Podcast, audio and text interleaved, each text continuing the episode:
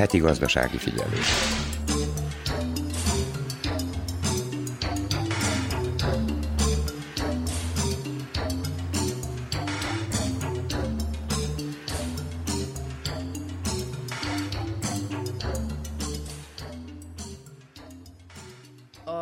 Infláció lassulása várható, fokozatosan kifelé haladunk a válságból, mondta Sinisa Máli. A pénzügyminiszter arról is beszélt, hogy bár tavaly nőtt a pénzhígulás, novemberben és decemberben már javult a helyzet.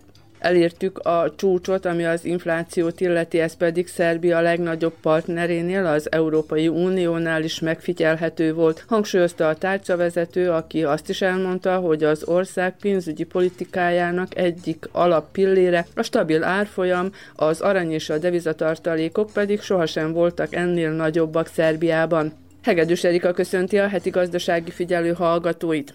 A Belgrád újvidék szakasz átadása után az újvidék szabadkarész építésével folytatódtak a munkálatok a Belgrádot Budapesttel összekötő gyors vasútvonalon. Az építések a tervezetnél gyorsabb tempóban haladnak. Az államfő szerint jövőre be tudjuk fejezni a több mint 108 kilométeres szakaszt, ami jóval előbb kész lesz, mint a magyarországi oldalon. Ez a beruházás és az utak javítása például nem tartozik az újonnan megalakult közberuházási minisztérium feladatai közé. Az ősszel megalakult kormányban összesen 25 minisztérium lett négy tárcával több az előzőnél. Több esetben az eddigi minisztériumok újraszervezéséről van szó. Ezentúl önálló minisztériumként működik a kereskedelmi, az oktatási, a művelődési és a sportminisztérium. Az egyetlen teljesen új tárca arca a közberuházási. Ennek vezetője az a Marko Blagojevic lett, aki eddig a beruházásokért felelős kormányirodát vezette. A feladatok jelentős része az eddig iroda tevékenységéből áttevődött a tárcához. Tehát nem a nagy országos beruházásokat, hanem a helyi, tartományi és a köztársasági feladatokat irányítja, valamint uniós előcsatlakozási alapokból Szerbiának előirányzott eszközeinek lehívásában segít segítheti akár az önkormányzatokat vagy az intézményeket. Mindenről a heti gazdasági figyelőben vendégünk Gyiválnovics Dániel, az újonnan megalakult közberuházási minisztérium államtitkára beszél. A tárca és az államtitkári feladatáról kérdezzük. A folytatásban, a fogyasztóvédelmi mellékletben a piaci vásárlásról beszél a szakember. A vállalkozói rovatunkban zentai kézművest mutatunk be, aki pöttyözéses technikával készít díszdobozokat. Az idegenforgalmi mellékletben, a vajdasági épített örökségről szóló sorozatunkban ezúttal a maradéki templom körül kialakított közösségi épületekbe hívjuk hallgatóinkat. Ennyi a kínálatból. Ha felkeltettük érdeklődésüket, tartsanak velünk. A munkatársak Nagy Emília Verica Polyánkovics és Nenac Reténovics nevében tartalmas időtöltést kívánok. Itt az Újvidéki Rádió. Gazdasági Köszöntöm az Újvidéki Rádió heti gazdasági figyelőjében Gyivanovics Dánielt, a közberuházási tárca államtitkárát. Mi korábban eseményeken találkoztunk csak, nem is volt a tárcánál, csak köztársasági parlamenti képviselő volt. Most hogyan találta föl magát a tárcánál? Mert ugye a tárca is új, nem csak a feladatköre. Jó napot kívánok! Hát igen, az új kormány megalakulásával valójában 25 minisztérium lett létrehozva, tehát az előző 21-hez képest négy új minisztérium alakult meg, és hát ez konkrétan a közberuházási minisztérium, ami már létezett előtte egy iroda formájában, úgynevezett közberuházási iroda formájában, vagy a közberuházást koordináló iroda, közberuházásokat koordináló iroda formájában, és ezt az irodát egyébként a, a, a sajnálatos 2014-es Obrenováci árvíz katasztrófa hívta életre, akkor alapították, és Hát, az egy szükséghelyzet volt. Igen, igen, és ez egy hosszú folyamat volt, az elejében ugye lényegében csak ebben foglalkoztak, valamint a, a, az esetleges európai ö, ö, pályázati pénzek lehívásával, vagy pályázatok megírásával, vagy valamint az egyéni támogatások, hogy is mondjam, elbírásával és leosztásával. Ezek az úgynevezett donációk és egyéb bármiféle elsősorban magánszemélyektől érkező támogatások? Hát nem mondanám, hogy elsősorban a magánszemélyektől érkező támogatásokat ugye főként a magánszemélyekhez uh-huh. továbbították, tehát a, a magánszemély formájú uh-huh. károsultakhoz, viszont voltak itt, hogy is mondjam, köztársasági szintű beruházások is, meg uh-huh. köztársasági szintű segélyek is, és európai szintű segélyek. Tehát ez az összes segélycsomag koordinálásával, a, a, a károk szanálásával, a károsultak segítésével, és a későbbiekben utána ez az iroda a, a, a potenciális árvíz károk megelőzésével, tehát a, az ilyen különböző infrastruktúrák képítésével foglalkozott, és utána, mivel ugye ahogy nőtt a csapat, nőtt a, a feladatkör, akkor utána már szélesítették. szélesítették ezt a foglalkozási palettát, úgyhogy kialakítottak egy ilyen országos pályázati rendszert. Ez úgy kezdődött el, vagy úgy indították el, hogy előbb megkeresték az önkormányzatokat, meg különböző intézményeket. Tehát egy, egy, egy meglehetősen széles körű paletta az, amit már akkor kezdetben lefedett ez, a, ez az iroda. Hát megkeresték az önkormányzatokat, kilistázták a prioritásokat, és hát akkor, akkor adtak ugye bizonyos instrukciókat, hogy hogyan lehetne esetleg majd pályázni, hogyha, hogyha megcsinálnak egy ilyen keretet, vagy kapnak egy ilyen keretet, és utána ebből a pályázati rendszerből nőtt ki az, hogy, hogy a pályázók, tehát az önkormányzatok pályázhattak mondjuk rá a kórházak, vagy, uh-huh. vagy közintézmények, kórházak, iskolák felújítására, teljes felszerelésére, részleges felújításra, stb. Tehát akkor most nekem úgy tűnik, hogy gyakorlatilag, hogyha áthozták az iroda teve, tevékenységét, vagy pontosítok, fölemelték minisztériumi szintre az iroda tevékenységét, akkor nekem úgy tűnik, hogy könnyű volt a feladatok elosztása, mert hogy gyakorlatilag egy az egybe átvitték a feladatköröket a minisztériumba, és azért hát egy minisztériumi hatáskör azért mégiscsak egy irodáénál, vagy ügynökségénél magasabb lehet. De maradjunk akkor annál, hogy könnyű volt akkor elkezdeni a munkát, hogyha már megvoltak a feladatkörök, csak ki kellett osztani, hogy ki mit csinál?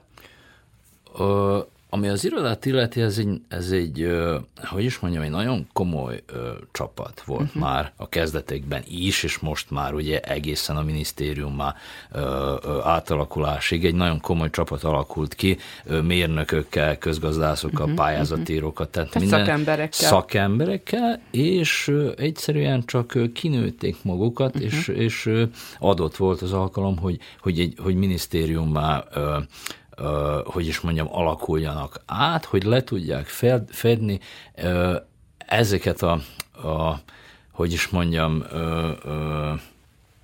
legkülönbözőbb területeket. Ez nagyon ami, széles körű skálán mozognak. Igen, és, és hát kiemelném, hogy ugye nem a nagy beruházásokról uh-huh. beszélünk, tehát nem autóutak vagy utaképítése, tehát nem ilyen nagy... És nem a vasút. És nem a vasút, uh-huh. hanem, hanem mondjuk rá az oktatás ügyen, ügyön belül, tehát iskolák felújítása, felszerelése, a kultúra, a helyi infrastruktúra, de a helyi önkormányzatok infrastruktúrája, víztisztító rendszerek, tehát mondjuk rá akár környezetvédelmi projektumok, amikre aztán lehet EU-s pénzekre pályázni, stb. Szociális védelmi védelem, vagy most ö, ö, ö, egy kicsit nagyobb, talán egy picit nagyobb hangsúly kerül a sportra, és mindenképpen a 2023-as évben az egészségügyre. Tehát a komplett ö, ö, kórházi és egészségügyi infrastruktúra fejlesztésére.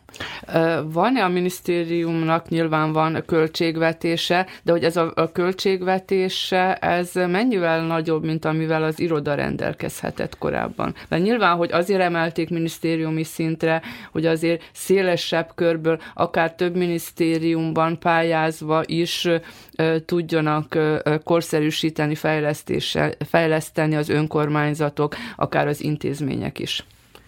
Igen, tehát nyilvánvalóan sokkal nagyobb uh-huh. büdzsé. Én azt tudom, hogy a minisztériumnak mekkora a 2023-as évi büdzséje, pontosan nem tudom, hogy az irodának mennyi, mekkora arányban volt EU-s támogatottsága, vagy, vagy, a, vagy a büdzsének mekkora része volt EU-s pénz, de a, az idei évre körülbelül 180 millió euró büdzsét kapott a, a minisztérium, és mivel hogy, hogy hogy a, a, az egészségügy segítése a fő stratégia uh-huh. erre az évre, ugye túl vagyunk, vagy reméljük, hogy túl vagyunk ezen a, a COVID-19-es pandémián, az iroda is már koordinálta ezeknek a, a, a, a létesítményeknek a kiépítését, meg a, vagy klinikai központok felújítását, stb. Tehát ez már folyamatban van az egészség teljes infrastruktúrális reformálása, viszont a 2023-as évben ennek a 180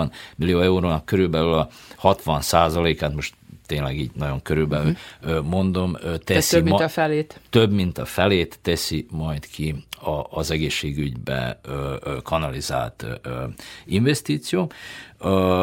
Viszont ezen belül a, a belgrádi Tírs utca 2, vagy hát uh-huh közismertem nevén a Tirsovadva, mondjuk így, mert így talán, talán magyarra fordítva nem annyira felismerhető.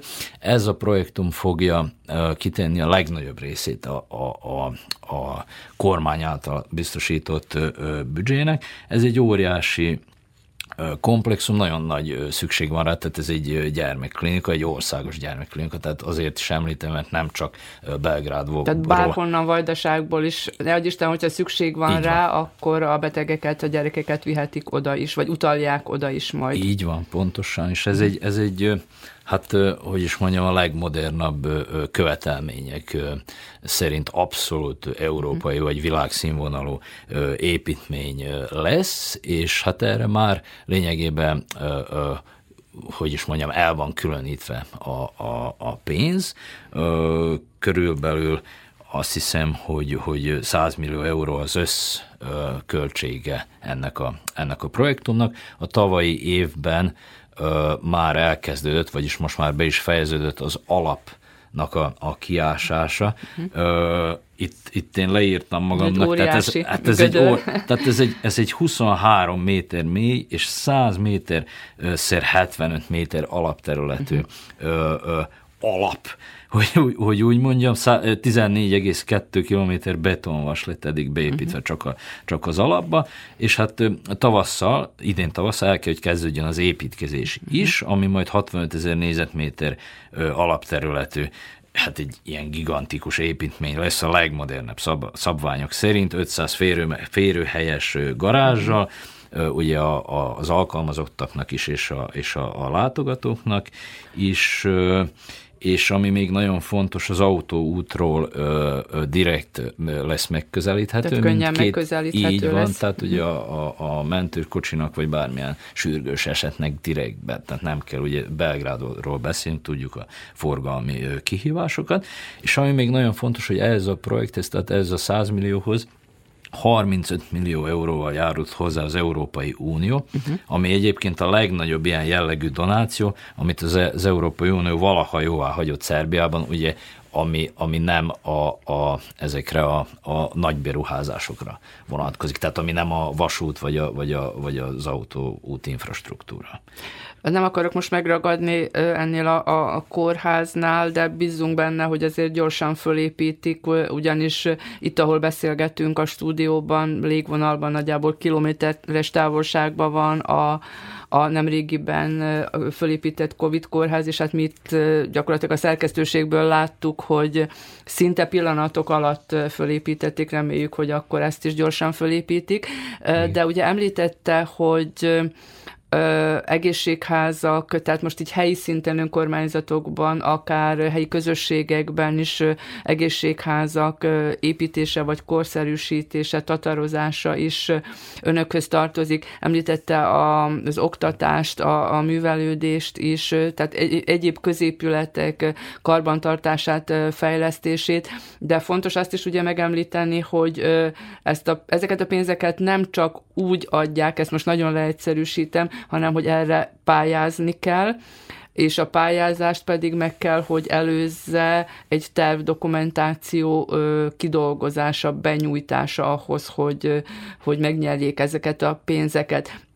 Ebben mennyire tudják koordinálni, irányítani az intézmények munkáját, az önkormányzatok munkáját, mennyire tud mondjuk konkrétan ön vajdasági magyarként segíteni abban, hogy sokkal több vajdasági magyar intézmény tudjon pályázni, és nyertes is lenni, nem csak pályázni, hanem hogy meg is Igen. kapják ezeket a pénzeket.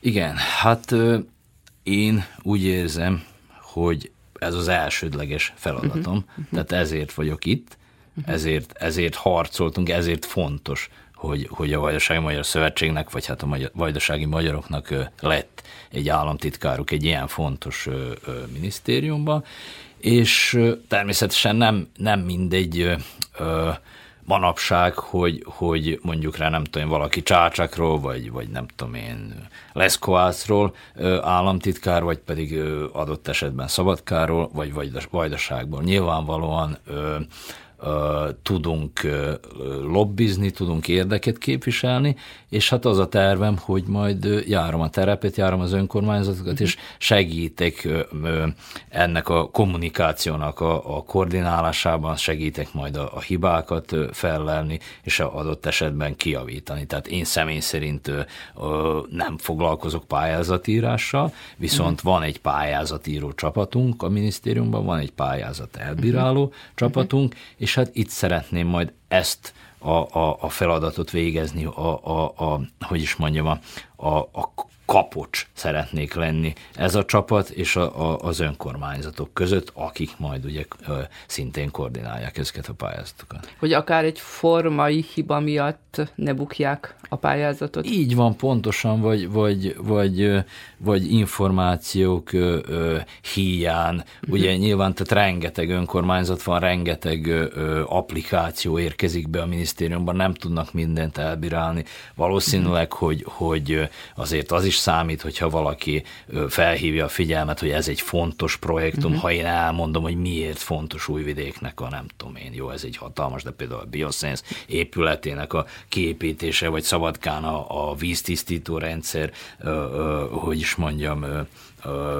korszerűsítése. Tehát ez, ezek fontos dolgok, ezekről beszélni kell, tehát nem mindegy, hogy csak látnak ott a minisztériumban is egy papírt, hogy írja, hogy mit tenni nekünk ez meg ez kell, vagy pedig van ott valaki, aki ezt nekik elmondja, hogy ez miért fontos, és hogy ez valóban fontos. És ezen kívül természetesen még maga a, a hogy is mondjam, a tervdokumentáció elkészítésénél is tudok akkor segíteni, és aztán pedig a, a pályázat átadásánál is. És hát én, ahogy tájékozódtam, ugye a szerződések felügyelete, a pénzek kifizetésének ellenőrzése, és nyilván, hogy a tervek megvalósítása is az ellenőrzésük alá tartozik. Tehát, hogy a későbbi folyamatban, tehát pályáztak, megnyerték, elkezdték építeni, akkor a folytatásban is ott vannak ellenőrizni? Abszolút, tehát a teljes kör ebben a minisztériumban hogy is mondjam, záródik le. Hát most így nagyon röviden egy ilyen dupla jellegű ellenőrzés folyik, ugye van a hagyományos uh-huh. épít építési ellenőr, vagy uh-huh. tehát az a, része. Igen, tehát van az a rész, utána van, van egy ö, revízió a, a, a mi részünkről, uh-huh. tehát egy, ö, egy komplet revízió, ö, olyan értelemben, ugye, hogy, hogy a teljes papírok átnézése és a realizáció leellenőrzése, és utána, amikor minden kész, akkor, akkor van még egy ilyen komplet revízió, főleg, hogyha, hát nem főleg, hanem ezt a, a, az európai hogy is mondjam, uniós megnyert pályázatok alapján alap, alakította uh-huh. ki ez a minisztérium ezt a rendszert, és akkor csak uh-huh. átvilágította, tehát már, már mi kaptunk egy tehát ilyen... harmonizálták egy, az igen, uniós és kaptunk egy, meg kaptunk egy ilyen hogy is mondjam, egy ilyen ellenőrzési rendszert, tehát uh-huh. egy, egy ilyen úgynevezett know-how uh-huh. verziót, hogy ezt, hogy ezt hogy tudjuk leghatékonyabban ö, ö, levezetni, és akkor ez csak át lett világítva a hazai pályázatokra is. Uh-huh. Ö, mennyi előcsatlakozási összegre számíthatnak. Ugye tudjuk, hogy az Európai Unió Szerbia számára is jóvá hagyott bizonyos összegeket, most ugye nagyjából az IPA 3-nál tartanak, és ha én jól tájékozottam, akkor ebben 1 milliárd 400 millió eurós keretösszeget irányoztak elő Szerbiának, és hát sajnos azt is olvastam, és szembesültem vele, hogy akár más országok, kelet-európai országok nem tudták teljes mértékben felhasználni az Európai Uniós előcsatlakozási pályázati pénzeket, így Szerbia is abba a hibába esett, hogy nem tanult a szomszédoktól, vagy az előttünk csatlakozóktól, hogy, hogy valahogy kiküszöbölje ezeket a hibákat. Tehát hogyan tudják ezt majd elérni, mert ugye a közbesz, közberuházási minisztérium feladata lesz majd ezeket a, az uniós előcsatlakozási pénzeket is felhasználtatni, és valakinek oda juttatni. Akár a tervek kidolgozásában is. Meddig jutottak ebben? Uh, igen, nagy részt ennek a minisztériumnak lesz ez a feladata. Uh-huh. Szerintem óriási nagy előny, hogy hát nem azt mondom, hogy az egyetlen minisztérium, de, de a, az egyik minisztérium a, a kevés közül, akinek már óriási ilyen pályázat uh-huh. lehívás és pályázat megírása és a tapasztalat tapasztalata van. Uh-huh. van. Tehát ezek a pályázatok hogy is mondjam, de olyan sokszor úgy emlegetjük, hogy pályázatírás, meg pályázatelbírás, minden, ezek, ezek azért nem olyan egyszerű pályázatok. Tehát, tehát szigorú ehhez, szabályai vannak hát, az uniónak. Szigorú szabályai vannak, nagyon komplex dolgok, ezek rengeteg uh-huh. tudást igényelnek, és rengeteg embert is, úgyhogy, úgyhogy azt gondolom, hogy hogyha valaki ö, ö, készen áll erre, akkor az ez a minisztérium. Uh-huh. Tehát önök ö, teremtik meg akkor a feltételeket ahhoz, hogy valaki sikeresen tudjon pályázni? Ö, körülbelül így uh-huh. kellene elképzelni. Tehát nekünk majd lesz egy, egy valami ö, ö, elképzelésünk uh-huh. a, az, a, a mondjuk rá az IPA 3 felé, vagy az EU felé, hogy körülbelül mik azok a, a, az investíciók, amiket meg tudunk valósítani. Uh-huh. Ehhez ugye már elkezdtük bekérni a, a, az információkat, amit az előbb is említettem. Uh-huh. Tehát egyébként tehát valójában a, a most létező rendszer, meg ahogy most működünk, vagy ahogy az iroda működött, ezt fogjuk csak átvilágítani, esetleg majd, a, majd továbbra is az EU-s pénzekre, vagy, vagy IPA 3-ra. Ezek a dolgok azért egy picit most megrekedtek, ugye a különböző világpolitikai, meg világgazdasági helyzetek miatt, de hát reménykedünk benne, hogy ezek a dolgok is majd stabilizálódni fognak, és hát folytatódnak majd ezek a, a, a forrásoknak a biztosítása is. Igen, meg hát ugye azt is tudni kell, hogy azért az Európai Unió minden költségvetési ciklusban, vagy bármelyik előcsatlakozási alapból azért céleszközöket határoz meg meghatározott ágazatoknak, hogy most mire szeretnének befektetni. Most nyilván, hogy ezek az úgynevezett prioritások azért megváltoztak, ahogy említettem is, a, a világgazdasági helyzet és egyéb gazdasági és politikai helyzet miatt, de ön szerint most amekkora belátása van ez a néhány hónap alatt a, a minisztérium munkájába, ugye említette, hogy elsősorban az egészségügy lesz kiemelt helyen, de hogy mik lehetnek még egyébként a befutó pályázatok, és most nem azt akarom mondani, hogy az önkormányzatok most figyeljenek ide, hogy hol lehet majd pályázni, mert nagyon jó tudják ők nyilván, hogy nekik mi ott helyi szinten a, a legfontosabb, de hogy az egészségügyön kívül mi lesz az, ahogy némileg már említette, de hogy mi az, amire biztosan az idei évben lehet majd pályázni? Vagy igen. mennyire osztották le ezeket a, az összegeket és a feladatokat, hogy esetleg melyik államtitkár mire figyeljen oda? Uh, igen, ezt a, ezt a kérdést, vagyis a választ két részre osztanám. Tehát az egyik az a, a, a kormány által biztosított uh-huh. büdzsé felhasználása, a másik az pedig az esetleges IPA, vagy pedig uh-huh. ugye a, a, a bármi más EU-s forrásból, vagy akármilyen forrásból származó pénzek. Most itt bocsánat, egy percre akkor álljunk meg, hogy ugye említette az adományokat is, a támogatásokat. Az előcsatlakozási alapból akármilyen új uniós pénz, az minek számít? Tehát egy adománynak, mert hogy nem a nem. saját költségvetési pénzünk az az országban. Ö, ilyen értelemben adománynak számít, uh-huh. de ez, amit én említettem, adományt, ez, ez abszolút személyi vagy, vagy céges adom, mhm. adományok uh-huh. voltak a, a, az árvíz katasztrófa uh-huh. áldozatainak a megsegítésére, tehát ezek, ezek ilyen ez apróbb egyéni adományokról volt akkor uh-huh. szó. Ami az IPA 3-at illeti, nagyon jó, hogy is mondjam, kontaktusokat alakítottunk már ki. Ott legalább olyan arányban, mint nálunk ebben az évben az egészségügy, az egész uh-huh. IPA 3 legalább olyan, vagy még nagyobb arányban a környezetvédelemről Aha. szól.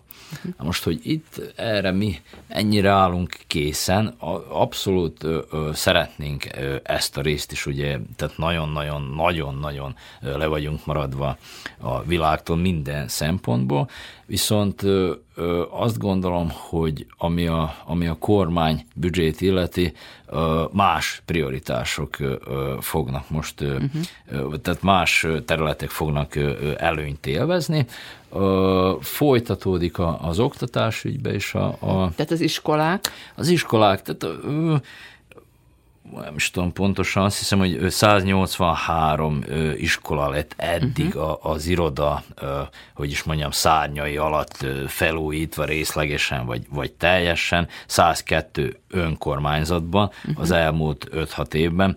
Most én Szabadkáról jövök, Szabadkán például a vegyészeti szakközépiskola, vagy új, újvidéken folyamatban van a Bioscience intézet mhm. épületének az építése, és tehát ez folytatódni fog. Most, hogy lesznek-e új pályázati kiírások, szerintem nagy részük már át van adva, vagy valamiféle folyamatban van, vagy pedig csak a, a, a, a dokumentáció javítása várat még magára, de mindenképpen ezek mellett a sport lesz még a, mhm. a, a fő prioritás, tehát ebből a maradék, hogy úgy mondjam, 40 százalékból a sportnak is. pályák.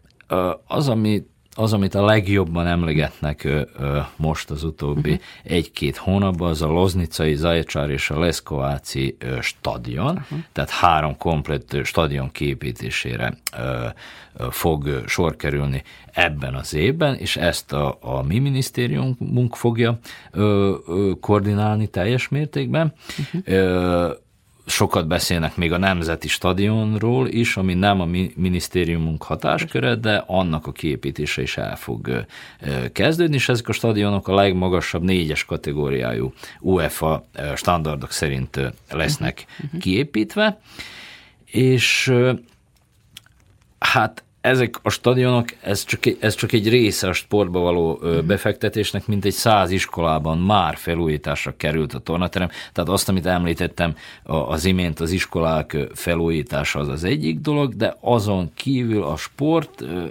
területén is már legalább száz iskolában felújították a tornatermet, sportcsarnokokat építettek hozzá, ez még mind ugye az iroda, ö, ö, hogy is mondjam, koordinálásában. Tehát ezek a dolgok, amiket mondok, nyilván a megvalósult projektumok, amiket ugye még az iroda koordinál, de hát lényegében az az iroda, az mi vagyunk egy-két apró változással, minisztériumként.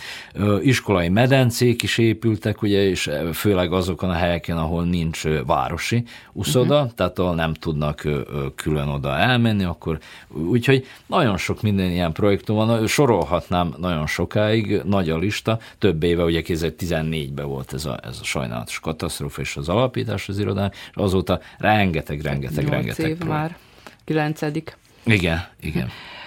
És ugye most értem, amit mindent felsorolt, akkor egy picikét most maradjunk, vagy térjünk vissza a vajdaságba. Ugye mindenki ezen a területen, ha megtalálja magát a vajdasági intézmények, önkormányzatok közül, akkor nyilván, hogy pályázhatnak. A tervdokumentációnak akár egy felújításról, építésről, nyilván, hogy akkor annak teljesnek kell lennie, amikor átadják a pályázatot, és nyilván ugye meg kell várni, hogy kiírják a pályázatot? Igen, Uh-huh. Igen. Tehát, és egy, uh, bocsánat, és az önkormányzatok vagy intézmények akár több uh, tervel, ötlettel is jelentkezhetnek? Persze, abszolút. Uh-huh. Tehát mi mindig nyitottak vagyunk a, a, a az ötletekre olyan téren, hogy pályázaton kívül is lehet nekünk írni, hogy mire uh-huh. van mhm. szükség, vagy pedig nekem szólni uh-huh. konkrétan ugye a magyar lakta területeken, tehát ez is, lesz, ez is a terv, hogy majd uh-huh. járom uh-huh. ezeket az önkormányzatokat, és ugye és szkenneljük a terepet, és, és hozzuk a minisztériumnak az információkat, hogy mi az, amire szükség van, és az alapján is tudunk majd, legalábbis reméljük a jövőben pályázatokat kiírni, tehát rá tudjuk a pályázat kiírásokat is rá tudjuk építeni a, uh-huh. a szükségletekre, tehát ezeket az információkat is gyűjtjük, és nyilván a már kiírt pályázatokat pedig a kompletter dokumentáció, nem, mi volt a kérdés, hogy, hogy teljes kell, hogy, hogy legyen? legyen igen. Abszolút persze. Hát aztán már, amikor, uh-huh. amikor elindultunk, és amikor tudjuk, hogy mi felé megyünk, akkor az annak teljesnek kell. Uh, ez már, ez nyilván, hogy a tervdokumentáció kidolgozása, ez nyilván, hogy az önkormányzat, vagy az intézmény, vagy akár a tartománynak a, a költsége, de önrészsel is részt kell venniük, vagy az önkormányzatok, intézmények egy-egy beruházás esetében támaszkodhatnak kizárólag csak a minisztériumi pénzekre? Nyilván nem így működik, mert elkezdenek egy beruházást, és hogy ha megkapják, akkor esetleg még többet meg tudnak csinálni, de akár valaki belelendülhet úgy, hogy, hogy a tervdokumentációt elkészítetik, ezt benyújtják önökhöz, és most bocsánat, várják a pénzt, vagy, vagy, vagy legyen jó, ha van önrészük? Uh, Egy-egy beruházáshoz. Ez a Hogyan működik ez? Ez a minisztérium, ez azért van, hogy segítsen, uh-huh. ugye, tehát nem, hogy nem hogy pénzelje. Hogy, hogy komplikálja uh-huh. a folyamatot, hanem hogy valóban segítsen, uh-huh. és én is azt tervezem, hogy azért létezek majd államtitkárként, és ez azt jelenti, hogy, hogy képlékeny ez az egész dolog. Tehát uh-huh. nincsenek ilyen, ilyen ö, hogy is mondjam, biztos merev, nyertesek. Hát nincsenek biztos nyertesek, és nincs, nincsenek merev ö, ö, keretek. Uh-huh. Tehát, tehát volt már olyan is, hogy, hogy az, e, a teljes tervdokumentációt a minisztérium, tehát megismétlem, egy, egy nagyon jó csapat van itt. Uh-huh. Tehát a, a minisztérium ebben is segíthet. Olyan is volt már, hogy csak a tervdokumentációt készítette a minisztérium, és csak arra biztosított, vagy fordított valamilyen összeget, és utána az az önkormányzat tudott pályázni, uh-huh. akár a, uh-huh. a, a tartománynál, vagy, vagy, vagy bárhol máshol. Aha, vagy tehát ön, így adott vagy, egy löketet, hogy elkezdjék. Igen, tehát uh-huh. itt vagyunk bár, bármi féle segítségre, és hát igyekszünk, ugye nyilván, hogy nekünk is be vannak határolva a lehetőségeink, de, de az biztos, hogy, hogy igyekszünk nem, nem merev keretek között működni. Hm. Ugye, mint említettük, hogy gyakorlatilag ott november elején kezdte el a munkáját ez a minisztérium, Nyilván nem sokat sikerült most itt ugye az ünnepek miatt terepre menni, ugye említette, hogy szeretne eljutni az önkormányzatokba, intézményekbe, de volt-e már kérdés vagy ötlet, amivel fordultak önhöz, vagy mire számít, megfordítom a kérdést, mire számít, hogy milyen területen lesz majd a nagy érdeklődés, mert ugye most képviselő volt a politikában, ott volt, tehát, és a, a nagy beruházás volt a területe parlamenti képviselőként, tehát hogy azért nagyjából át tudja látni, hogy nem mondjam átvilágítani, de át tudja látni ezt a helyzetet, hogy mi az, ami vajdaságban mondjuk talán így a vajdasági magyarságnak, a vajdasági magyar önkormányzatokban, amire leginkább szükség van. Mert hogy mindent szeretnénk nyilván korszerűsíteni, akár egy vízvezetékhálózatot, amíg nem kiépített szennyvízhálózatot, akár a hulladék, az illegális hulladéktelepek felszámolását, tehát mindenben kéne talán javítani. Nem azt mondom, hogy olyan rossz a helyzet, hogy, hogy mindent, de azért, hogy sok minden területen lenne javítani, karbantartani, felújítani való. Tehát mivel találkozott most ezekben a hónapokban? Hát igen, valójában sajnos hát nem mondjuk, hogy minden, de a legnagyobb része felújításra szorul, vagy, vagy teljes képítésre mindennek. Hát önkormányzat specifikus a, a válasz.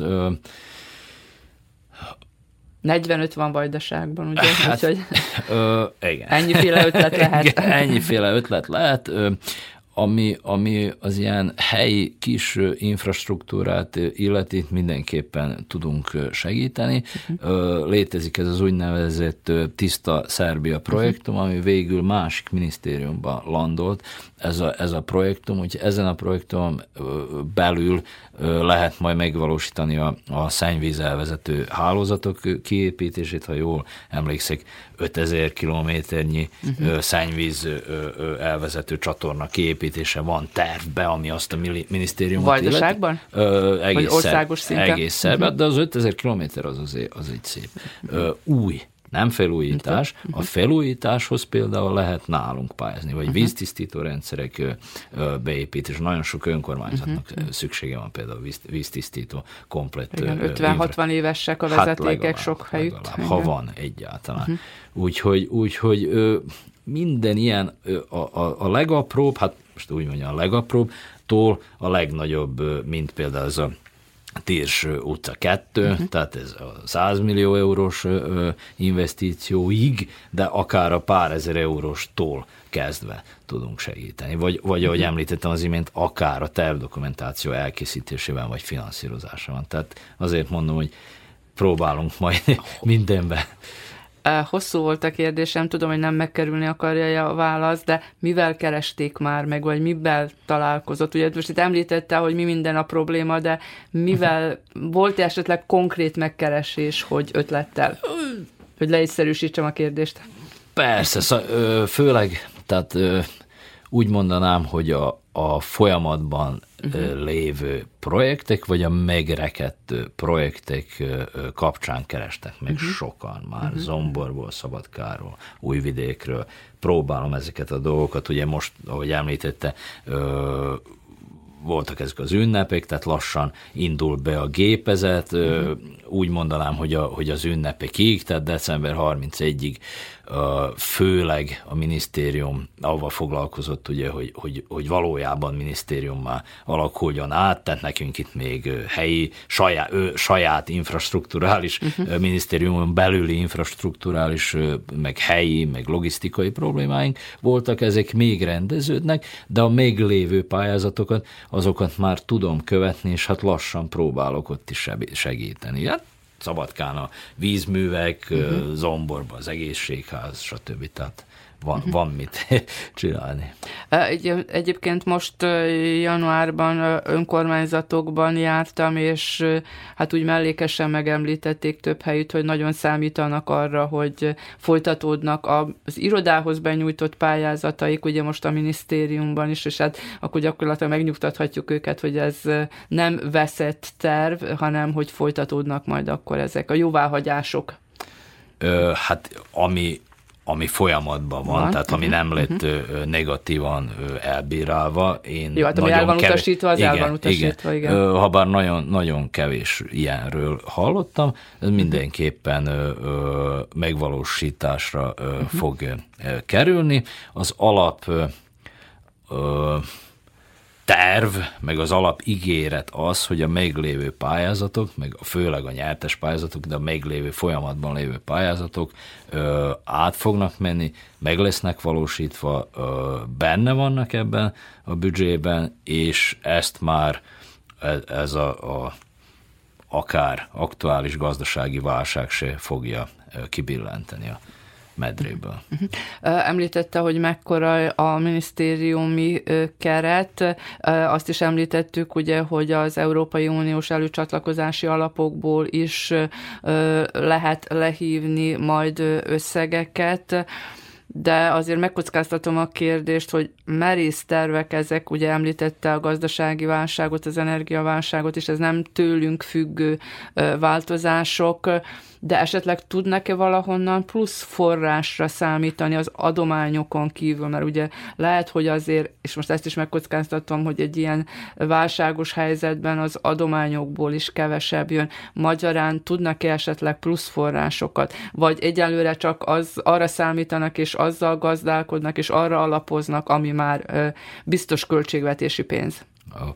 Hát ö, ö, folyamatos a harc, tehát uh-huh. van mhm. erre egy külön csapat a, a uh-huh. minisztériumban, de, de hát sajnos ö, követve a, a, a világ ö, gazdasági helyzetet, vagy háborús uh-huh. helyzetet, vagy post-covid helyzetet, tehát sajnos minden arra utal, hogy, hogy ebben az elkövetkező legalább egy évben nagyon nehéz Legyünk lesz. optimisták. Nagyon nehéz lesz pályázni, ami az egyéni adományokat illeti. Arra nem lehet számítani ilyen formában, főleg most minisztériumként. Tehát az, egy, az egyéni adományok azok, azok csak a, a adott sajnálatos, hát de meg ilyen ö, katasztrófa áldozatoknak a, a segítésére voltak ö, uh-huh, uh-huh. aktuálisak, tehát ilyen értelemben nem számítunk külön egyéni adományokra. Ö, reménykedünk benne, de avval uh-huh. nem tudunk kalkulálni. Számolni tehát, tehát a, a, a kormány által biztosított büdzsével tudunk kalkulálni, arra tudunk ugye ígéreteket tenni, az összes többi az még, az még egyelőre a remény, és az optimista uh-huh. remény szintjén van. Á, és hogyha ha összegeket hagynak jóvá, akkor ezek ugye nem hitelek, hanem vissza nem térítendő összegek. Ö, igen, abszolút, persze, persze. Uh-huh. Jó, azt hiszem, hogy itt nagyjából a minisztériumi munkájáról most ennyit tudunk mondani, hogy milyen feladatkörökkel, ugye vajdasággal lesz elsősorban megbízva. Picit lépjünk vissza akkor, hogy köztársasági parlamenti képviselő volt hosszú ideig mennyit tudott abból a feladatkörből, mert ugye ott is beruházásokról volt szó, csak éppen az előjele, nagy beruházások és itt közberuházások, ennyi változott, nyilván most nagyon leegyszerűsítettem, a feladatkörök nem pont ugyanazok, de mennyit tud abból a tapasztalatból meríteni, vagy, a, vagy, a, vagy az ott kialakult kapcsolatokból? Hát az ott kialakult kapcsolatokból mindenképp, tehát uh-huh. az is fontos.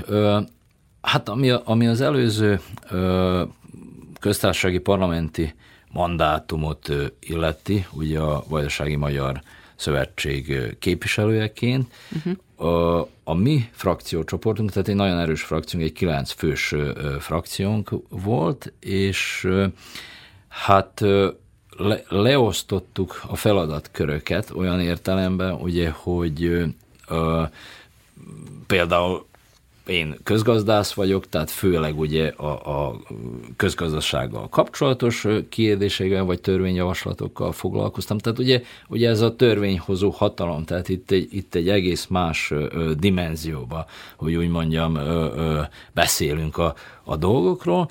És Tehát alkalmazni kell, amit ott elfogadnak és meghoznak. Igen, tehát most ugye, most ugye a végrehajtó hatalom része vagyok, most ez, ez az operatív tevékenység, uh-huh. ott ugye, ott ugye törvényhozó szinten foglalkozunk a dologgal, viszont ott is működik ez a, a, a, a lobby, uh-huh. hogy is mondjam, súlya, és hát egy, egy elég komoly politikai érdekképviseletünk volt az előző mandátumban is, és konkrétan, tehát többek között más feladatkörök is voltak nyilván, de főleg mondjuk a, a, a vasút infrastruktúrával foglalkoztam, vagy a, annak az ügyeknek a, a, a, az intézésével, ugye a Szeged-Szabadka vasút képítésének az ügyintézésével, vagy pedig a, vagy pedig a Belgrád-Budapest vasúttal, vagyis a vele kapcsolatos törvények védésével, hogy úgy mondjam, a, a,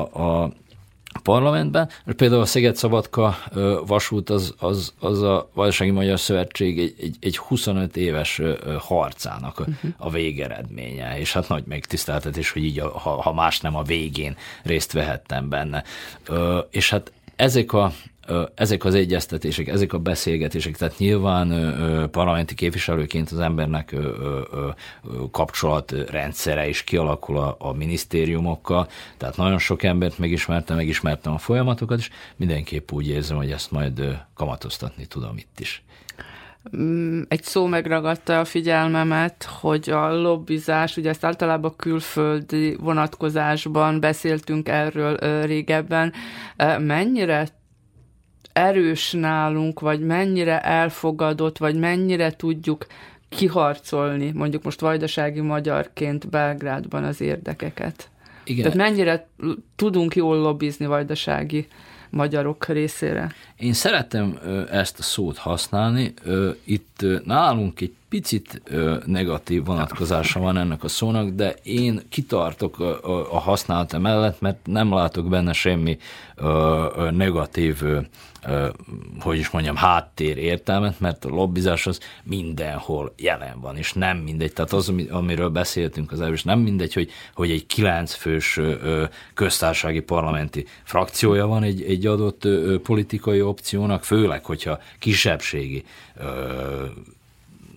szinte száz százalékig vajdasági politikai opcióról beszélünk ebben a mandátumban is nagyon fontos volt, hogy, hogy legyen önálló frakciónk, most egy, tehát öt képviselő kell egy önálló frakcióhoz, most van önálló frakciónk, és nyolc államtitkárunk. És ez az, ez az 5 plusz 8 Belgrádban, ez egy, ez egy nagyon komoly politikai érdekképviselet, és ugye erre épül rá az alap ö, politikai ö, és az, hogy az gazdasági súly. ereje is lehet akkor ennek. Hogy ne, hát nem, nem mindegy, tehát ugye ezek a, ezek a funkciók, ezek azért vannak, hogy az ember tudjon lobbizni, tehát ez által lehet ö, valamit elérni. Nem azért vagyunk ott, hogy ott létezzünk, hanem, hanem hogy valamit ö, sikerüljön kilobbizni a mi választóinknak. Én nem tudom, hogy ez miért jön esetleg valamilyen formában negatív kontextusban maga a szó, hogy lobbizás. Persze, csak is lobbizás alapján lehet valamit elérni a, most már talán végszóként egy picit a vállalkozói múltjából mennyit tud a vállalkozói múltból, akár a lobbizás területén, akár a, a közbeszerzés, a pályázás területére a vállalkozói tevékenységéből meríteni. Akár ez a lobbizás, hogy harcolni kell, akár minden programért, projektumért, pénzekért, pályázatért. Így van.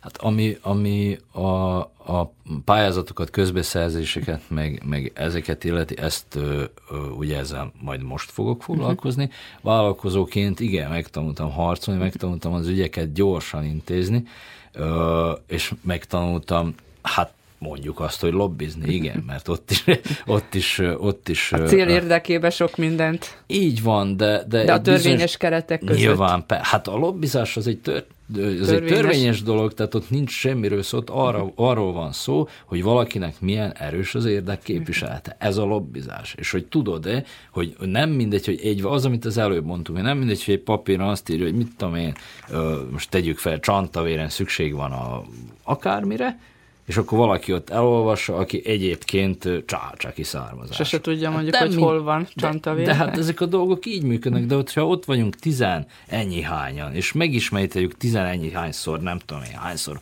hogy szükség van erre ezért, meg ezért, meg fogjuk kapni. Ez így működik. És hát ezt, ezt az erőt, ezt a harcot, vagy a harcosságot hoztam talán a vállalkozói mi voltból. Amikor fölkérték erre a feladatra, a megbízásra a minisztériumban, akkor mi volt az első gondolata, hogy mit szeretne elérni? Ugye most itt nyilván kifejtette, hogy a vajdasági magyarság érdekében, de mi volt az első gondolat? Hát ez. Uh-huh. Ez. Nekem más ö, ö, érdekem itt ö, nincs. Segíteni szeretnék, úgy érzem, hogy ez nekem megy, uh-huh. tehát más dolgot lehet, hogy nem is vállaltam volna el. Tehát ez a ritmus, ez a, a, a belgrádi zűrzavar, ezek az emberek, ezek nekem jól fekszenek, és itt tudom magam feltárni, és itt tudom magam hasznossá tenni. És nyilván, hogy ez, ez a fő célom, amit mondtunk is, hogy minél több támogatást tudjunk vajdaságból, magyar lakta területekre hozni nyilván. Remélem, hogy jövőre ilyenkor ismét tudunk majd beszélgetni, vagy akár az év végén beszámolni mindarról, amit a Vajdasági Magyarság érdekében a Közberuházási Minisztériumban államtitkárként meg tudott valósítani. Köszönöm szépen Gyivánoi Dánielnek, a Közberuházási Minisztérium államtitkárának, hogy itt volt a műsorunkban, és megosztotta velünk ezeket a feladatokat, gondokat és tevékenységeket. Nagyon szívesen, és én köszönöm a meghívást.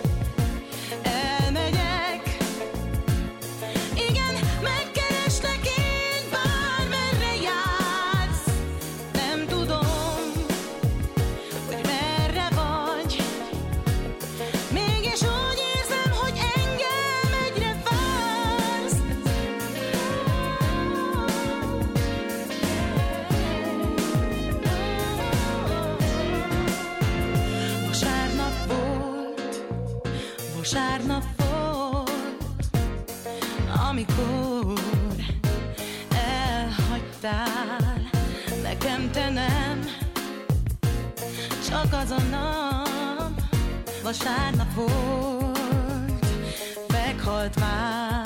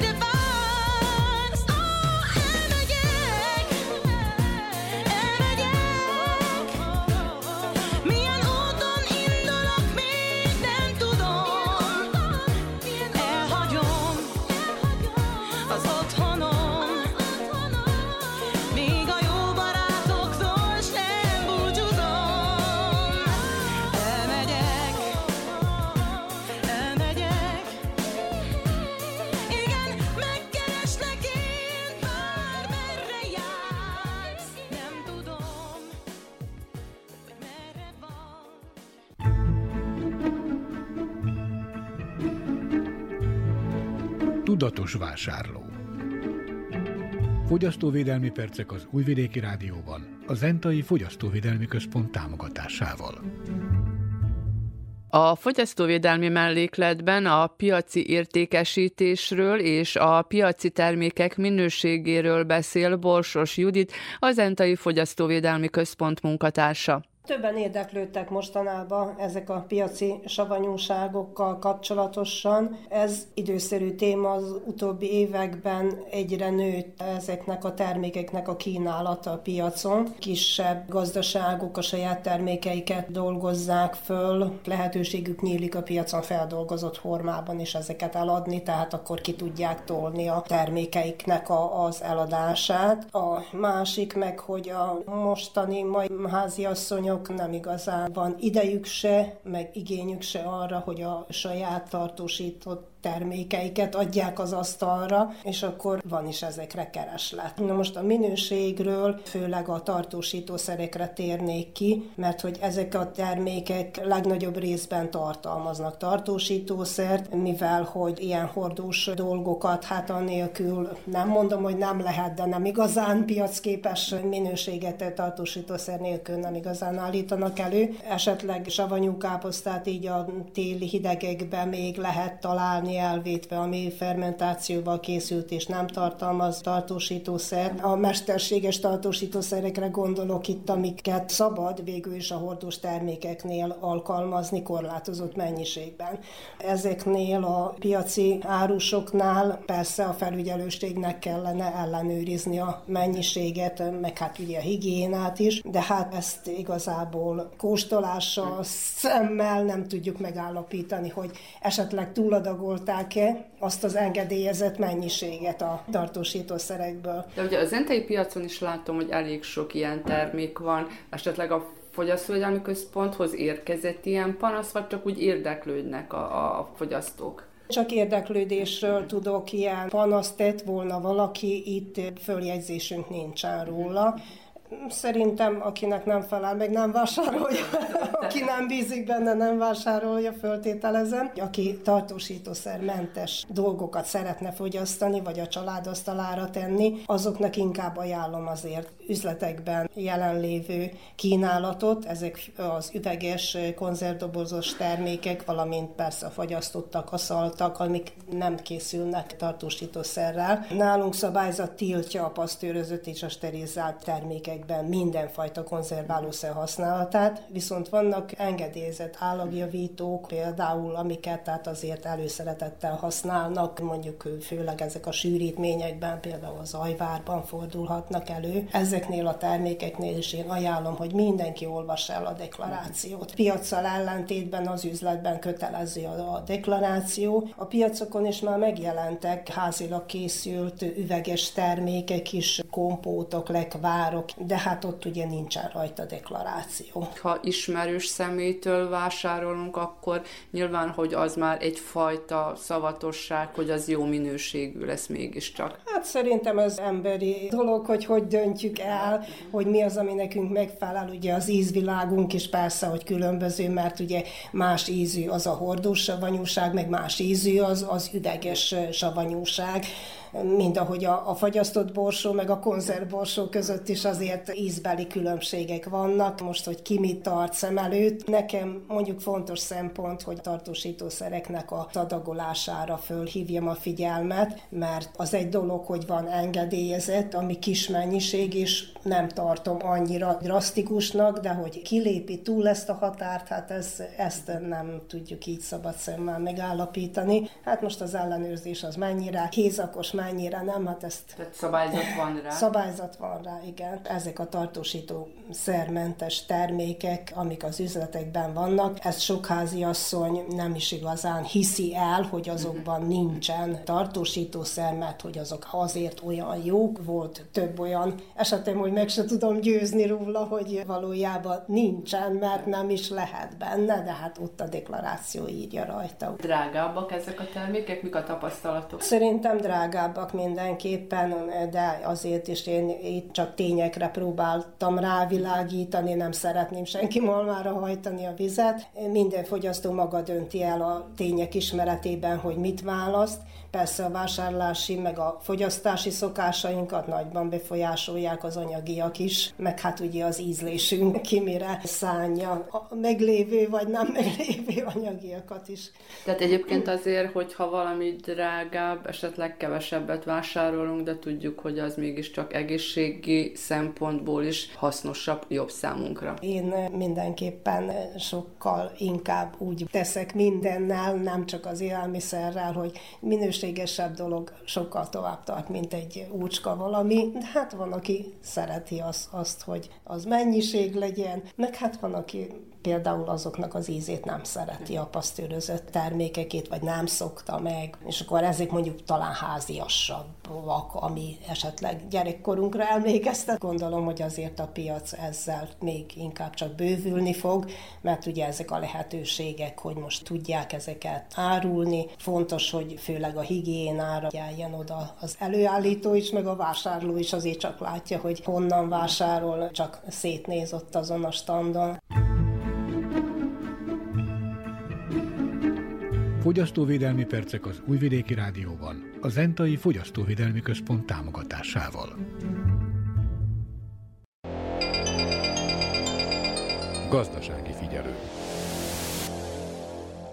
a vajdasági magyar vállalkozókat bemutató sorozatunkban ezúttal zentai kézművesről hallhatnak. Tuzarita pöttyözéses technikával díszít dobozokat, kulcstartókat és telefontartókat, a jövőben pedig ékszerekkel szeretne bőíteni kínálatát. Nagy Emília hangfelvétele. Ez az elhatározás nekem körülbelül egy és fél éve jött. Akkor lettem állapotos a kisfiammal, és hirtelen sok szabadidő szakadt ugye a nyakamba, és szerettem volna ezt a szabad időt valahogy hasznosan eltölteni. És ekkor kezdtem el én gondolkodni, hogy esetleg valami kézműves foglalkozással foglalkozok, és interneten kutattam, hogy mi az, amivel én tudnék, szeretnék esetleg foglalkozni.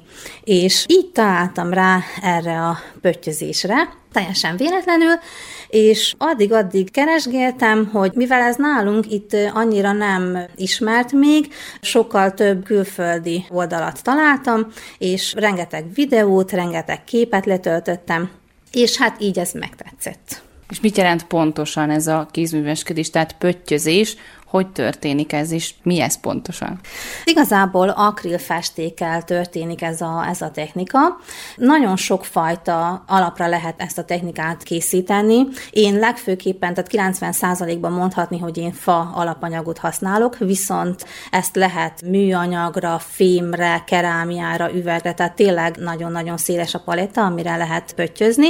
A lényeg az, hogy van egy alapszín, ami általában a fekete, és tehát a fát én befestem fekete alapszínre, utána megy rá a színek, tehát a pöttyözés, és akkor legvégén kap egy két-három lakréteget.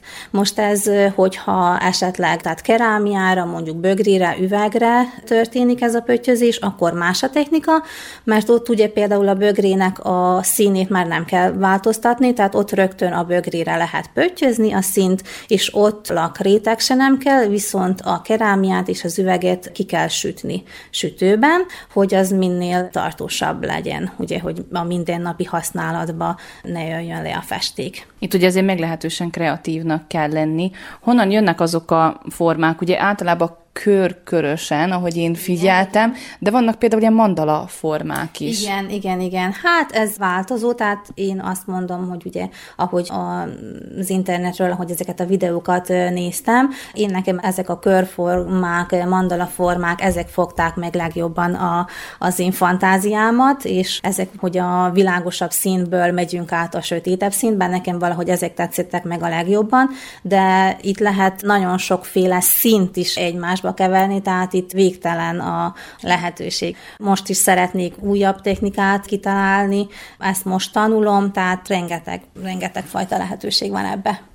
És itt akkor szabad kézzel történik a festés, ugye? E, igen, a festés szabad kézzel, annyi, hogy azért húzok segédvonalakat, körzővel és vonalzóval, hogy azért körülbelül mégis legyen egy úgymond háló, amit tudok követni, de viszont a pontozás az a saját kézzel, igen. És megrendelésre dolgozik, vagy előre legyártja a terméket, és aztán próbálja értékesíteni? Legelőször ezt én előre, előre készítettem el, így próbáltam értékesíteni, hála Istennek sikerült is elég szépen, és akkor így keresnek meg emberek, és akkor ebből lett elég sok rendelésem, mondjuk karácsonyra nagyon szép rendelésem összejött, sajnos ez miatt akkor nem is sikerült szabad termékeket készítenem, úgyhogy folyamatosan inkább megrendeléseim vannak. És melyik a jobb, amikor valakinek konkrét elképzelése van, hogy hogy nézzen ki végül a termék, vagy amikor azt mondják, hogy ahogy maga gondolja.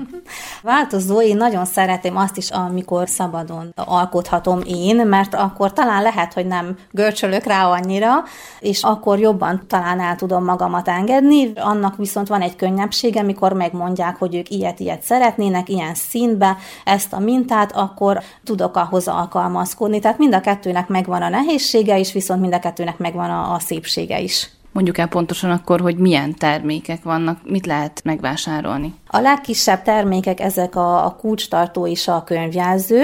Ezen kívül mindenféle dobozok, tároló doboz, ékszeres doboz, ceruzatartó doboz, ami most nagyon tetszett az embereknek. Ezen kívül ilyen asztali mobiltartót készítek, gyertyatartót, most mécses tartókat karácsonyra, adventi, tehát amilyen négyes, négyes mécses tartó volt, de volt egyes mécses tartóm is, ami most még így karácsony, tehát ünnepek után is még, még mindig kelendő, illetve most szeretném majd a bögréket és az ilyen üvegtárgyakat majd elkezdeni ezeket kitapasztalni, illetve még gondolkodok az ékszereken.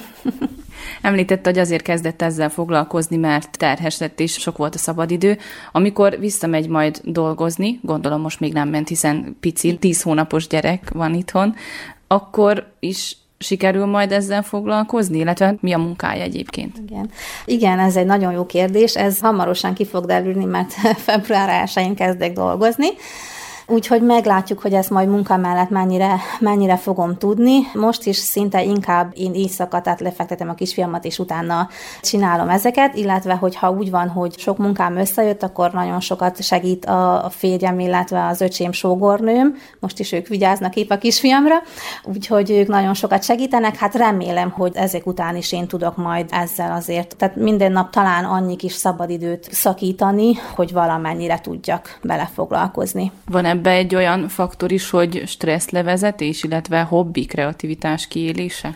Persze, mindenképpen, mindenképpen. Én azt gondolom, hogy ha ez én nekem nem okozna úgymond örömet, vagy pedig nem tudnám most ezt benne levezetni, akkor nem tudnám én ezt éjszakákig csinálni, mert, mert igen, én ezt belekezdek, és azt veszem észre, hogy csak múlik az idő, és belefeledkezek úgymond ebbe az egészbe. Úgyhogy igen, mindenféleképpen ez egy ilyen stresszlevezető, nyugtató is.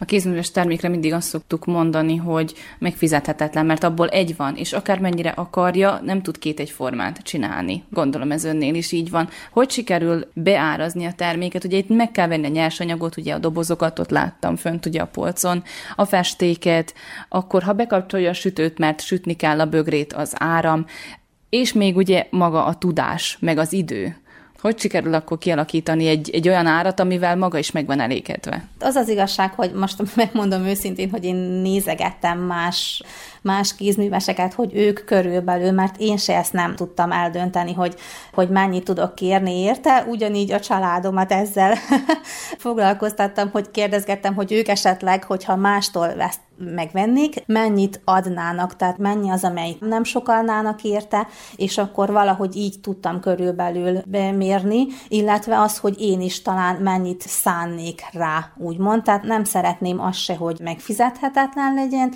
viszont azt se nem szeretném, ugye, hogy a munkám kárba menjen, illetve az időm, tehát nehéz, én azt mondom, hogy nehéz, nehéz ezt meghatározni. Hogyan sikerült vevőkört kiépíteni, esetleg internetes reklámokkal, vagy Azt mondjuk nem nagyon hiszem, de majd elmondja terhesen esetleg kiállításokra járt-e? Nem, én nekem egyetlen egy hely, ahol a Facebook ahol én ezt elkezdtem hirdetni, és nagyon szerencsés vagyok, mert rögtön az embereknek megtetszett, nagyon jó visszajelzéseket kaptam, úgyhogy szinte én csak ott sikerült eddig árusítanom. Szerettem volna kijutni a karácsonyi vásárra idén, de tehát annyi rendelésem összejött, hogy nem sikerült szabad termékeket készíteném, úgyhogy így nem sikerült oda kijutnom, de viszont tervezek, hogyha úgy lesz, hogy lesz szabadidőm, és lesznek szabad termékeim, akkor tervezek hogyha lesznek ilyen kézműves kiállítások, vagy valamilyen ilyen falunapok, ilyesmi, akkor tervezek esetleg majd menni ilyen helyre is. A nyersanyagot honnan szerzi be ehhez? Több helyről is szerzem, mondjuk a dobozoknak, a dobozoknak, gyertyatartóknak a nyersanyagot azt a vásárba szerzem be, viszont az ilyen könyvjelzők, kulcstartó, mobiltartók, ez pedig itt Zentán egy ilyen lézervágó ember, akivel ezzel foglalkozik, hogy lézerrel vágja ki a fából a dolgokat, ő vele vágatom ki. Utazunk és utazzunk, Vajdaságban és a világban az Újvidéki Rádió turisztikai rovata.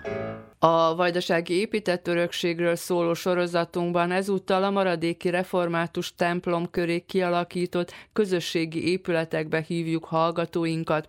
A gyülekezet 125 évvel ezelőtt, 1898-ban alakult meg, előtte a Beskaihoz tartoztak, templomot csak később terveztek, de végül egy régi épületet átalakítottak, utána pedig a közösségi épületeket is megépítették, mondja a halász Dániel maradéki lelkész. Falunak a negyede körülbelül a 500 magyar van, legalábbis 500 valahányan valották a 2011-es népszámlálás alapján itt magyarnak.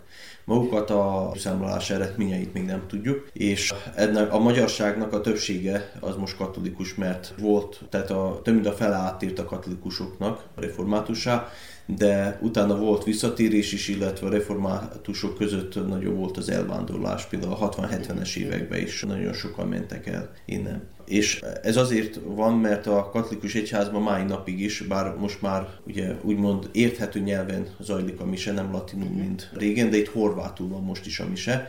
És egy nagyon érdekes képet találunk, hogy a misén bent vannak, minden horvátul megy, és utána kijönnek a templomba az emberek, és magyarul beszélgetnek egymással.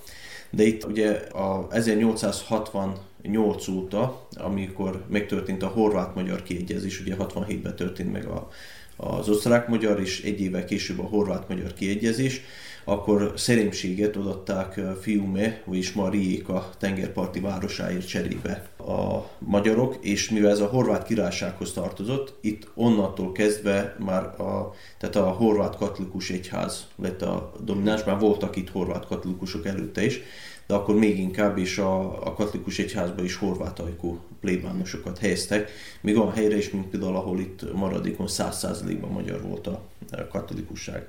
És ezért mondhatjuk azt, hogy szerémségben mi vagyunk az egyetlen magyar nyelvű egyház, és az egyetlen magyar nyelvű egyházközség ilyen szempontból és ugye viccesen szoktam megfogalmazni azt, hogy minden, ami magyar, az, az itt található. Mert itt van a Kultúregyesület is, ugye az óvoda is, viszont most már ez nem teljesen igaz, mert ugye helybe is beindult egy összevont magyar nyelvű tagozat a, a szerb iskolába, de azok a tagozatosok is ide járnak hozzánk napközibe. Úgyhogy ilyen szempontból tényleg, ha megnézzük itt az óvodánkba a gyerekeket is, a többség az, tehát a 16 hét gyerekből van 4-5 református, a többiek azok főleg katolikusok, de még pravoszláv gyerekek is vannak közöttük.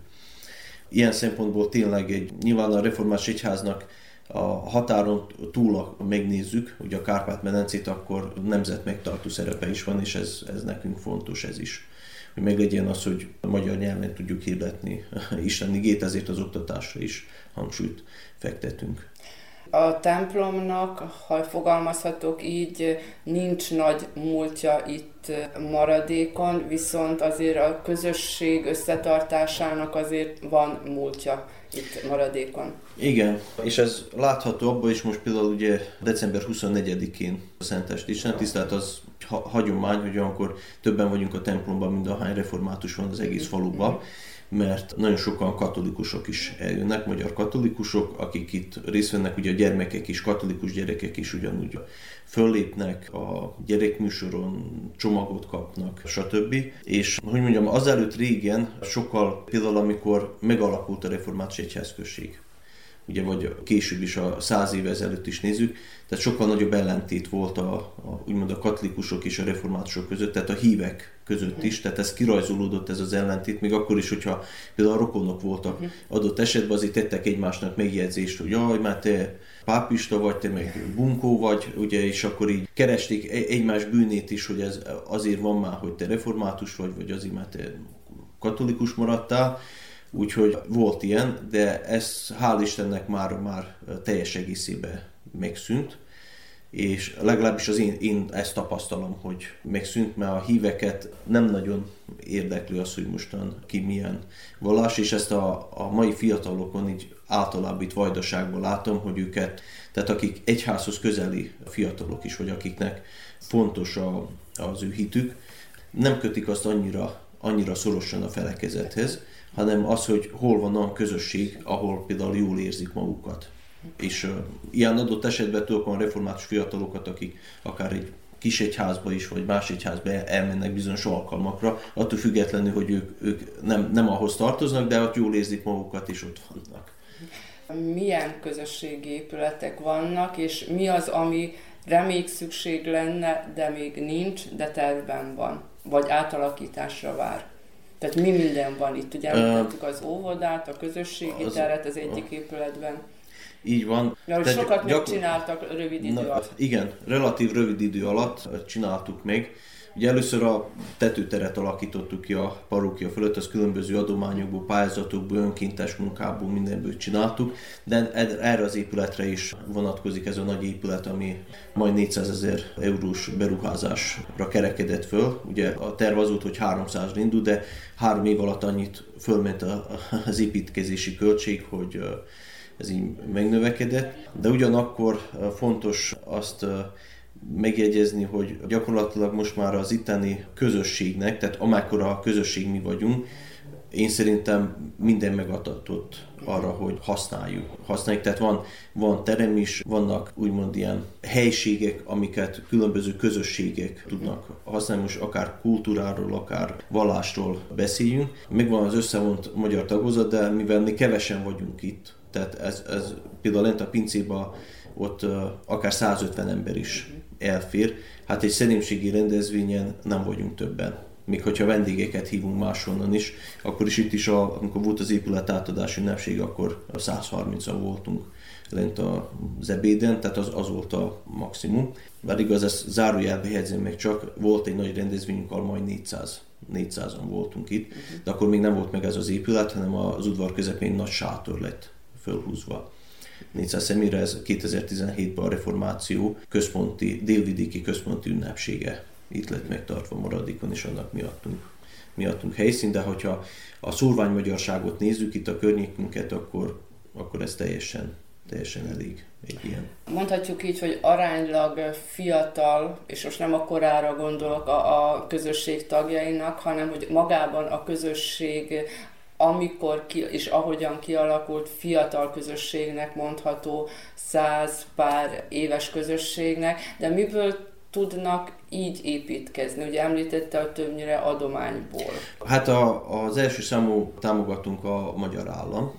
Ugye a, a magyar államnak például az óvodát is, ezt az épületet úgy építettük fel, hogy a, a magyar állam meghirdette a Kárpát-medencei óvoda programot, uh-huh amiből mi is részesültünk. Ugye ez az egyik leg, legnagyobb programja volt a magyar kormánynak a, az elmúlt száz évben, ami, amit határon túlra adományoztak, és ez három évig tartott. Ez a program ebből sok száz, vagy mondhatjuk ezer óvoda részesült, a Kárpát-medence szerte határon túl, ugye és ebből egyházi óvodák is. Tehát egyházi óvodákat is építettek, illetve itt például délvidéken ugye két óvoda épült ebből a támogatásba ez a maradék is, a Szabadkán a Vackor óvoda.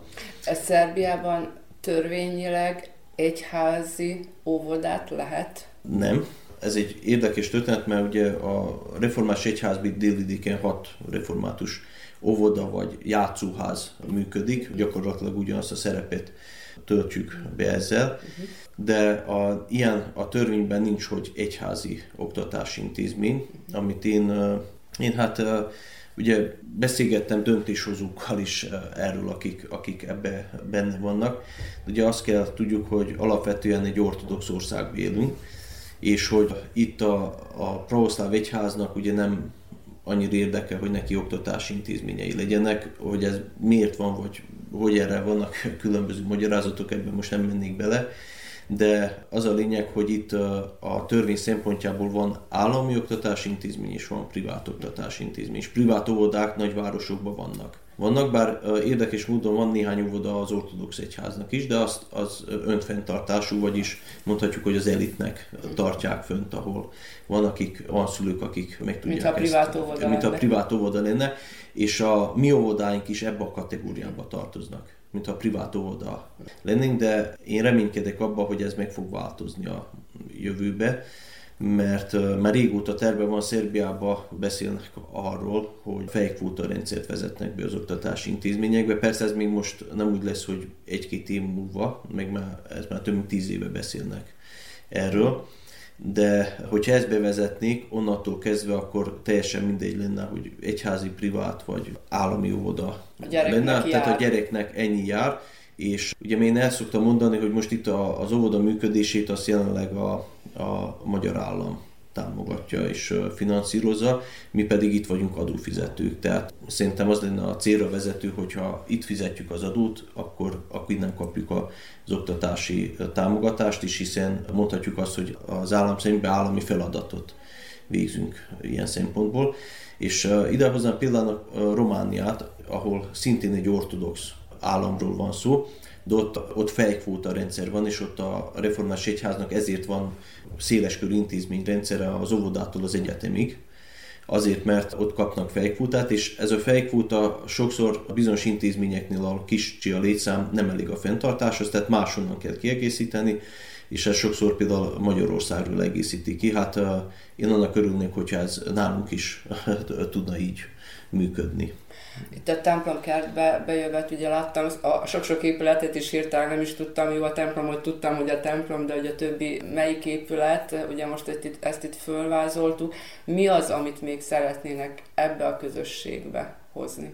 Hát Elég ezt még befejezni és igen, tartani is. Igen, tehát ez, ez az épület még mai napig is nincsen teljesen befejezve, mert pár apróság még hiányzik Hiányzik néhány bútordarab, a melléképületnél a garázsajtók, ugye a szolgálati járművek állnak, nem tudom, ilyen a kamera biztonsági rendszer, az sincsen meg egészen, úgyhogy ezt szeretnénk befejezni, illetve van egy harangozó lakás, amit le akarunk gyűjteni, ami egy össze van épülve a templommal, és a templom renoválását, ami hát a nagy része megtörtént, ez az egy fal maradt még, azt, azt szeretnénk befejezni és utána mindezt feltartani és fejleszteni, és elsősorban én a, a közösségépítésre tenném a hangsúlyt.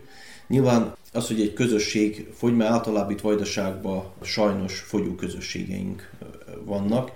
Itt maradékon nem mondanám azt, hogy fogyunk, az elmúlt években inkább a stagnálás a jellemző, de én azért imádkozok és azért dolgozok, hogy ez növekedésé induljon, és valahogy én erre szeretném tenni a, a hangsúlyt, hogy ne csak, hogy megtartsuk magunkat, hanem hogy tehát a jövőbe is ezt legyen kihasználni, mert egy épületnek akkor van értelme, hogyha van közösség, aki használja, magába az épület nem ér semmit.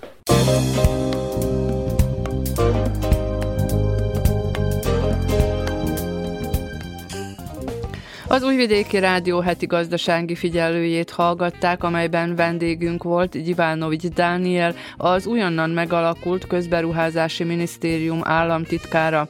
A tárca és az államtitkári feladatáról kérdeztük. A fogyasztóvédelmi mellékletben a piaci vásárlásról beszélt a szakember. A vállalkozói rovatunkban zentai kézművest mutattunk be, aki pöttyözéses technikával készít díszdobozokat. Az idegenforgalmi mellékletben a vajdasági épített örökségről szóló sorozatunkban ezúttal a maradéki templom körül kialakított közösségi épületekbe hívtuk hallgatóinkat. A munkatársak Nagy Emília, Verica Polyákovics és Nenad Sretenovics nevében Hegedűs Erika köszöni meg hallgatóink figyelmét. Műsorunk visszahallgatható az rtv.rs.hu honlapon, a hangtárban, a heti gazdasági figyelő cím alatt.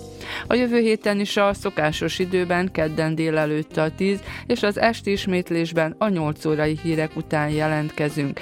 Mi itt leszünk, remélem önök is.